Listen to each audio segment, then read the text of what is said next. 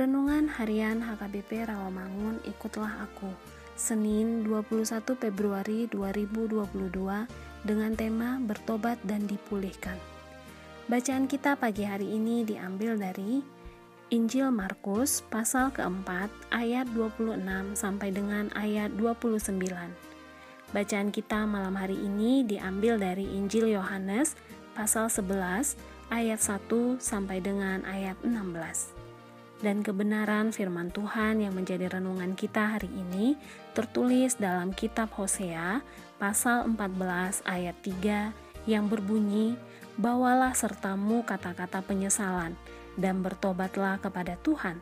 Katakanlah kepadanya, ampunilah segala kesalahan sehingga kami mendapat yang baik, maka kami akan mempersembahkan pengakuan kami. Bertobat adalah mengakui kepada Tuhan semua kesalahan yang dilakukan. Bertobat tidak cukup hanya dengan diakui, tetapi perlu tindakan nyata, yaitu berbalik 180 derajat dari jalan yang salah dan meninggalkannya. Dosa hanya membawa seseorang kepada ketidakbahagiaan, kehancuran, dan kebinasaan. Bertobat harus terus-menerus dilakukan karena manusia masih hidup dan tinggal dalam tubuh yang sudah tercemar dosa. Seseorang yang tidak bertobat hidupnya jauh dari Tuhan.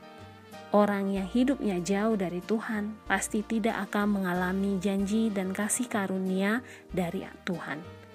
Dan Tuhan akan menghukum mereka yang tidak bertobat. Mengapa harus dilakukan terus-menerus? Karena manusia harus terus-menerus mempertahankan sikap setianya kepada Allah. Artinya, manusia meski berjalan pada jalan Allah, tidak ada waktu yang bukan waktu dari Allah. Karena itu, seluruh hidup orang percaya harus merupakan perwujudan kehendak Allah.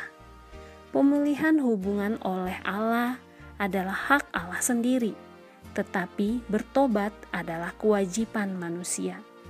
Pemulihan hubungan antara Allah dengan manusia telah Allah lakukan melalui peristiwa kelahiran Yesus Kristus. Karena itulah, kita selalu dituntun untuk bertobat. Renungkanlah, pertobatan tidak boleh dianggap sebagai jalan untuk mencapai damai sejahtera, tetapi kita dituntun untuk bertobat supaya damai sejahtera yang telah Allah berikan itu tetap terpelihara dalam kehidupan kita. Marilah kita berdoa. Ya Tuhan, saya bertobat dari jalan-jalan saya yang salah. Ampuni saya ya Tuhan.